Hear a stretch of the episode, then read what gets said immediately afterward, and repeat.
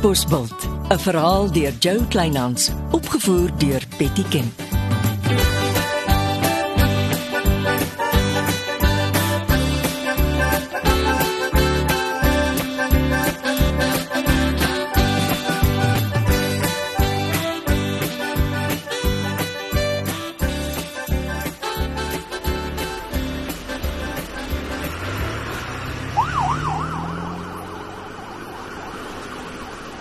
Ry die ambulans nou met meneer Elof mevrou. Ja, dit lyk soos 'n hartaanval. Hoe is dit dat julle so vinnig na die brand hier was? Ons het hier naby gery en praat oor die plaasie en toe sien ons die vlamme in die lug. Dis ongetwyfeld brandstigting. Mevrou, hulle het nie dalk iemand vandag hier gesien nie. Dalk iemand op 'n motorfiets? Nie waaraan ek nou kan dink nie.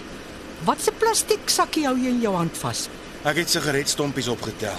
Lyk of iemand lank voor die huis by die tuintafeltjie gesit en rook het. Ag, dit is snaaks.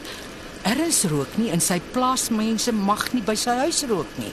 Ek sal die stompies vir bakkies laat kry. Hy is ons boffin. Hoekom klink sigaretstompie skielik so bekend? Mevrou onthou seker van die Zimbabweër wat destyds so in Juffrou Sinfield se plaashuis gesit en rook het. O, oh, ja, dis waaraan ek dink. Maar die vent is mos terug Zimbabwe toe, is dit nie? Ons dink maar so. Maar die sigaretstompies vertel 'n ander storie. 'n Mens wil nie te gou spooke opjag nie. Ja, nee, toe maar jy het my klaar geantwoord. Die blikskorrel is nog hier in Katbosveld. En nou dat die veiligheid by Shirley se plaas opgeskerp is en hy nie meer daar kan aankom nie, het hy sommer hiernatoe gekom om sy kwaad te doen. Hou die gedagtes maar eers stil. Ek sal Rolbos ook in kennis stel. Dis asof ons net nie van hierdie misdaad ontslaak kan raak nie. Die meneer Elof is mos mevrou se vernoot. Ek hoop nie sy terugslag raak die uitvoerfabriek nie. Ek ry hospitaal toe. Ons hoor maar wat sê die dokters. Sterkte mevrou. Ons sal nie rus vir ons die skuldige vasgetrap het nie.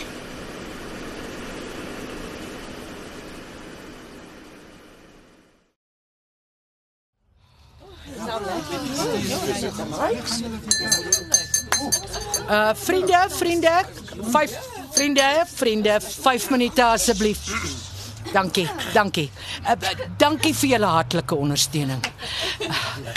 Die goeie nuus, die goeie nuus is dat Anna en haar span gaan pannekoeke bak op ons dorpsfees. Ja. ons soek nog net na 'n geskikte verkoopspunt op Richroo. Ja, dankie, dankie.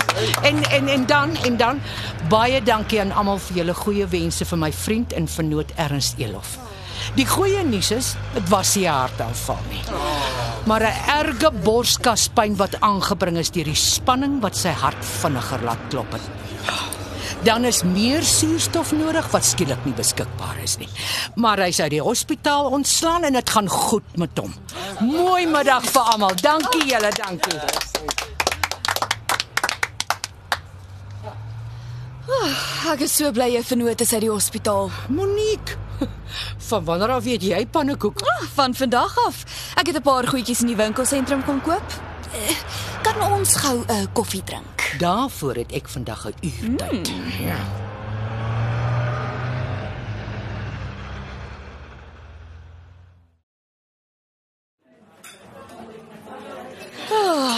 Wat van 'n stukkie koek saam met jou koffie? Al daai pannekoek nie, dankie. Ah, oh, dit maak twee van ons. Ek is bly die feeskomitee het na ons albei omgesien. Ja, ek is doodtevrede. Maar Chrissy, ek wil besigheid praat. O, oh, klink goed. Jou uitvoerfabriek werk goed vir jou van halfmens af. Ja. Maar as jy mooi daaraan dink, is dit taamlik uit die pad van die gewone man op straat. Dit is, maar ek het gehoop die mense sal saamwerk. Ek sal iemand met vervoer kry om die vetplante vir my halfmens toe te bring. Ek het 'n tweede pakkamer wat leeggedra is en uitgeverf is. Wat as ek 'n soort van 'n agentskap vir jou by my besighede oopmaak? Daar stroom daagliks honderde mense soontoe en daar verby. Sal jy 'n regte dienspunt kan beman. Genoeg pakplek hê vir die vetplant. Sodra die pakkamer vol raak, ry my afleweringsbakkie met die vetplante halfmens toe. En wie gaan die agentskap beman? Onthou daar's geld by betrokke. Mense bring vetplante en hulle soek dadelik die geld. Ja, ek gebruik my nuwe winkelbestuurder voltyds daarvoor. Sy kan met geld werk en die uitbetalings aan die mense maak. Die Sylvia Shoba is goed gekwalifiseer met 'n buikwerkrekord. Kan jy die brandkluis wat jy by my gekoop het vir haar gee om te gebruik. Dit is die plan. En dis tog waaroor dit vir die gewone man op straat gaan. Hy dra 'n paar vetpleintjies na ons aan en in ruil daarvoor wil hy geld hê.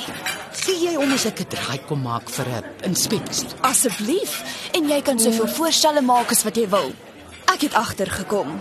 Hoe meer redes jy vir mense gee om in jou omgewing te beweeg, hoe meer geld maak jy uit hulle uit.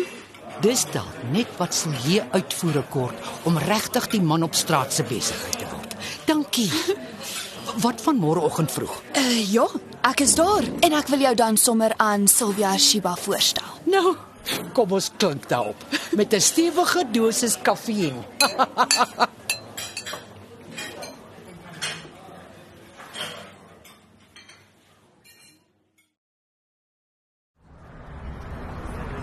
Maar dis mos die man met sy rasta lokke wat so lekker op die dorpsbankie sit en rook. Selfoon teen die oor. Wonder of ons man ooit nog op sy spoor loop. Die kaptein het niks oor hom gesê voor hy met verlof is nie. Hy het elk geval genoeg te name wat jou besig hou, Sergeant Johnson. Kom ons hoor wat bakkies te sê het. Haai. Kon jy al na my sigaretstompies kyk? Goed. Ek wil vir jou nog een bring. Dan doen julle sommer almal saam. Ah, So oor 'n uh, halfuur. Cheers. En daar skiet Rasta Lokke sy stompie weg en drentel verder. Tyd om nog 'n sigaretstompie op te tel. Sergeant Johnson.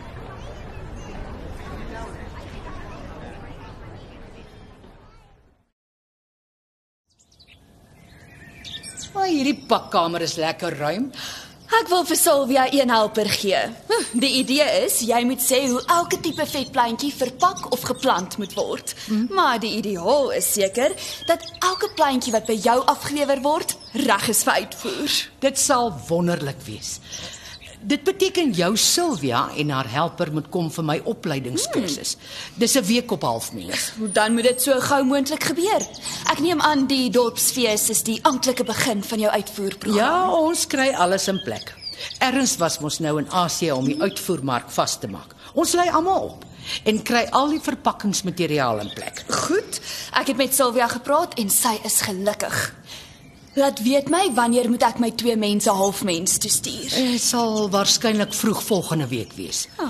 En dan wil ek graag my nutsman hiernatoe stuur. Ek sal die pakkamer laat inrig vir die vetplante. En, en dit's vir my rekening. Dis die minste wat ek kan doen. En ons moet praat oor pryse en jou kommissie. Stel 'n kontrak op en ek werk dit deur. As ek gelukkig is, teken ek dit. Dis of alles skielik net in plek val.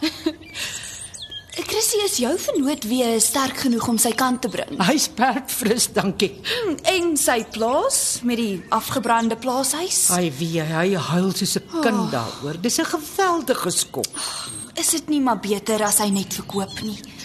Dis nie nou die regte tyd om oor verkoop te praat nie. Wel, ek weet Lampies Lambregt soek die plaas met 'n seer hart. Leonardo ook. Maar dis vir later. Ek ek moet ry. Dankie vir jou voorstel en jou positiewe gesindheid, Monique. Ek waardeer dit. Tot later, Chrissy.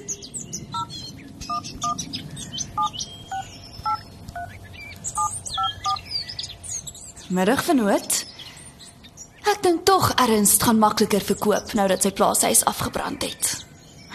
Ja, ja, ek doen my bes. Maar ek glo vas jy kan maar so lank begin droom oor jou katbospul hotel.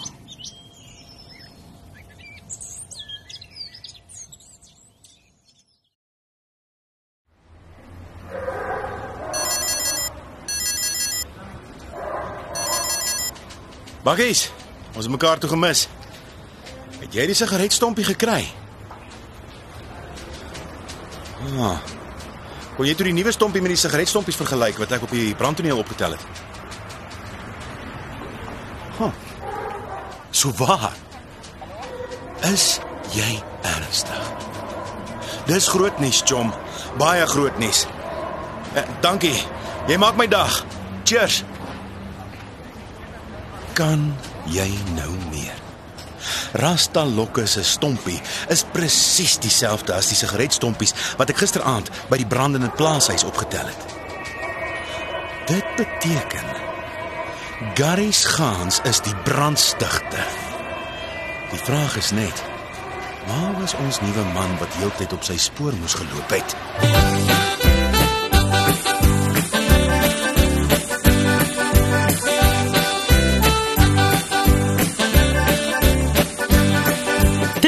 Katbosveld deur Jo Kleinhans. Die tegniese versorging is deur Marius Vermaak. Katbosveld word vervaardig deur Betty Kemp saam met Marula Media.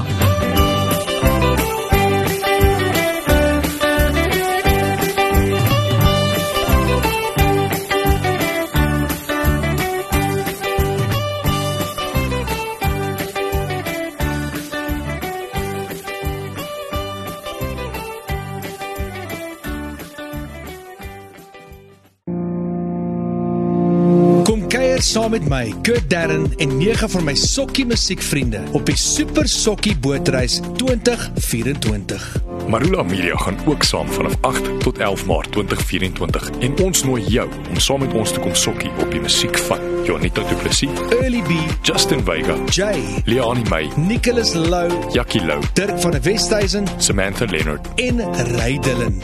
Afrikaanse musiek gaan weer klink van die kuierareas tot die dek tot reg in die teater van die splinte nuwe MSC Splendide. Bespreek nou jou plek op die Super Sokkie Bootreis by www.msccruises.co.za.